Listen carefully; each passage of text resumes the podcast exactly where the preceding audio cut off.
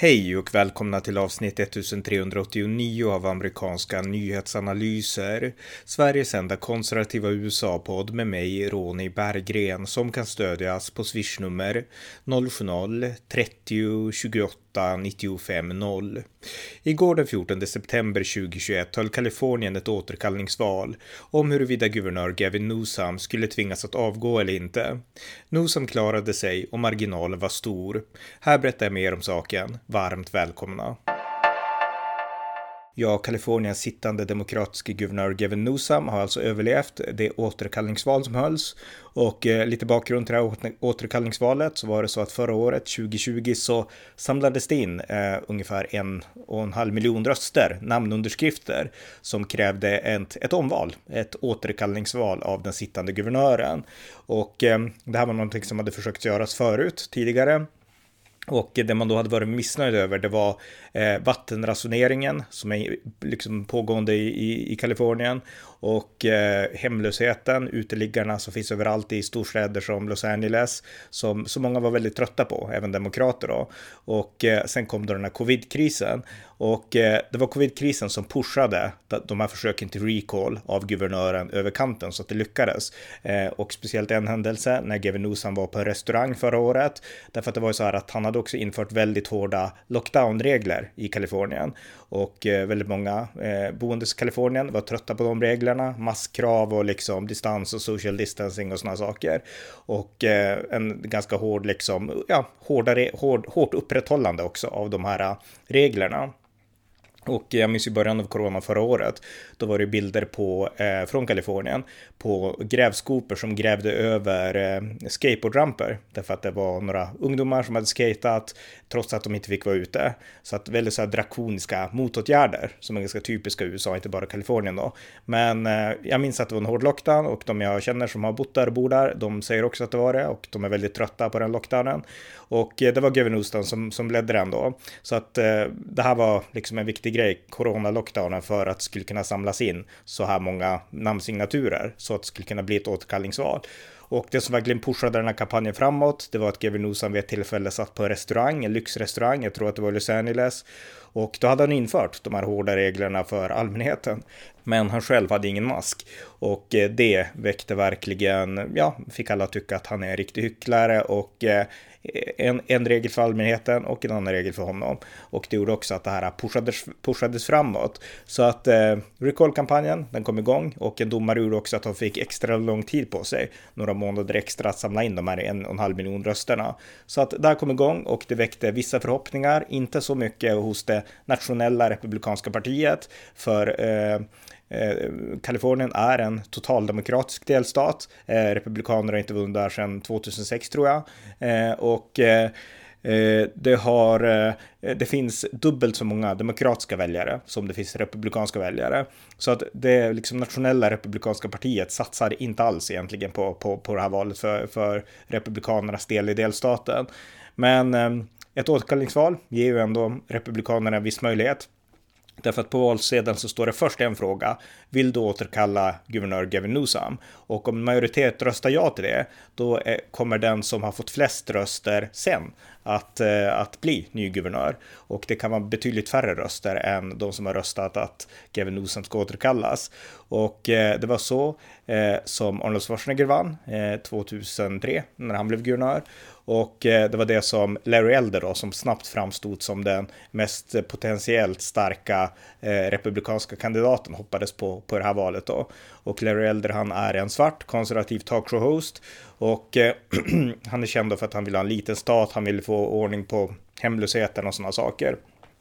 Och han vill inte heller ha någon hård lockdown och är inte för liksom krav på vaccinering och liksom maskmandat och sådana saker. Så att han har en liberalare syn på de här frågorna än vad, eh, betydligt liberalare syn än vad Gavin Newsom har, eh, men också en liberalare syn än vad väldigt många i Kalifornien har. Därför att de här hårda reglerna som man har i Kalifornien som vi kan kritisera, speciellt här i Sverige där vi absolut inte haft så hårda regler och definitivt inte så här ute på landet där jag bor.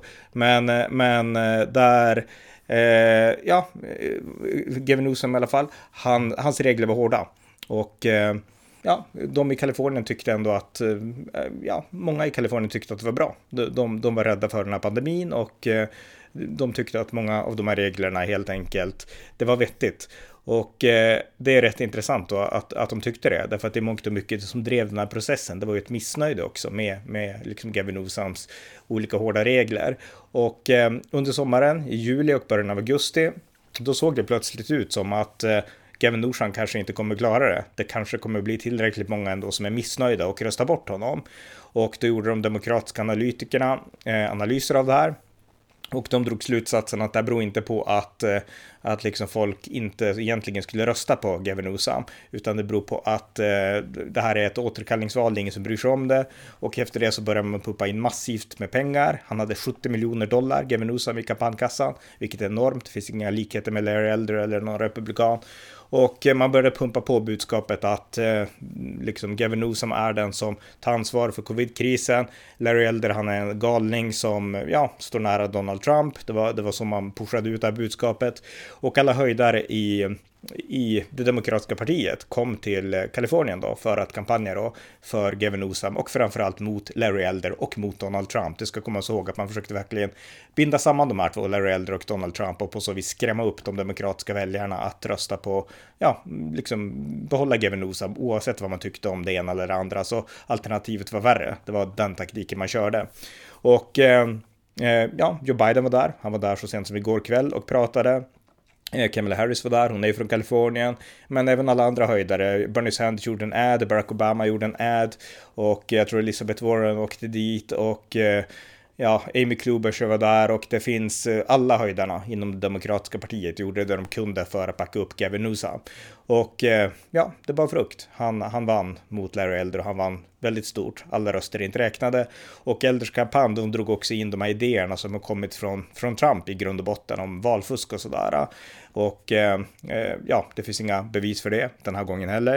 Eh, sen är det också så här att Demokraterna har alltså dubbelt så många eh, ja, röstande i, i Kalifornien än vad republikanerna har. Det är liksom en enorm uppförsbacke. De flesta bedömare anser att bara att Larry Elder kom så långt som han gjorde är liksom en, ja, ganska förvånande. Men han var inte i närheten av att vinna när demokraterna väl började komma igång med, med att mobilisera. Så att, eh, ja, Gavin Newsom, han har, han har överlevt recall-valet här då. Och det gör faktiskt att han kommer ut ur det här starkare än, än han liksom, än när det hela började. För då fanns ändå frågetecknet är liksom han betrodd som ledare av Demokraterna i Kalifornien och de svarade ja. Och det innebär att han kan hålla huvudet högt ett år till nu tills det blir ett, eh, nej, eller hans riktiga val är 2023 tror jag. Men, men alltså den tiden han har kvar tills det blir ett, ett val igen. Och eh, Eh, ja, vi, vi, får se helt enkelt vad, vad det innebär. Hans, hans opinionssiffror har inte alltid varit helt stabila, men, men nu har han, ja, eftersom han har fått tummen upp igen så kan han ändå fortsätta med den policy han har. Gå fram hårt mot coronan och eh, ja, de sakerna han vill göra. Och eh, på ett sätt så är det här synd. Jag stödde ju inte honom. Jag tyckte att det hade varit jättekul om Larry Elder hade kunnat vinna. Eh, inte bara då för att han är en ganska rolig talkshow-ikon, utan framförallt för att han är republikan och att han vill lätta coronarestriktionerna och att han vill se till att städerna i Kalifornien blir normala så att det inte är uteliggare överallt och sådana saker som det är på många håll just nu. Och eh, ja, han vann inte, vilket jag då tyckte var synd. Men ja, Gavin Newsom, han har star stärkt sin ställning i partiet. Och vi har ju en demokrat som har fallit från skyarna på andra sidan USA, på östkusten. Eh, Andrew Cuomo, guvernören, som har fått lämna. Men Gavin Newsom, han, ja, han håller fanan högt fortfarande för de demokratiska guvernörerna. Och eh, ja, det här var egentligen bara en kort, kort genomgång. Det, man kan dyka in i det här på, i detaljer och på djupet och diskutera och så. Men eh, ja, jag har ju faktiskt inte läst så mycket om det här. och Jag har inte hängt med i detalj heller, utan jag har som ni vet hängt med mer i det som händer i Afghanistan. Det är fortfarande väldigt angeläget och jag kommer att fortsätta göra det ett tag till. Därför att eh, det är viktigt att, eh, att prata om den här situationen innan dörren är stängd hel och innan allt medialjus försvinner från Afghanistan. För att Afghanistan kommer att förbli problem och Biden kommer att få hantera det framöver också. Så att att fortsätta hänga med i Afghanistan är viktigt, så det är därför jag är så inne i det nu. Så jag har inte läst eller följt Kaliforniens återkallelseval så mycket att jag kan liksom ge någon jättedjup analys. Men det där var ändå kortfattat och eh, ja, eh, kort och gott, Gavin Newsom överlevde. Det var avsnitt 1389 av amerikanska nyhetsanalyser. En konservativ podcast om USA som kan stödjas på swishnummer 070-30 28 95 0 eller genom att via hemsidan stödja på Paypal, Patreon eller bankkonto. Det var allt för idag. Tack för att ni har lyssnat.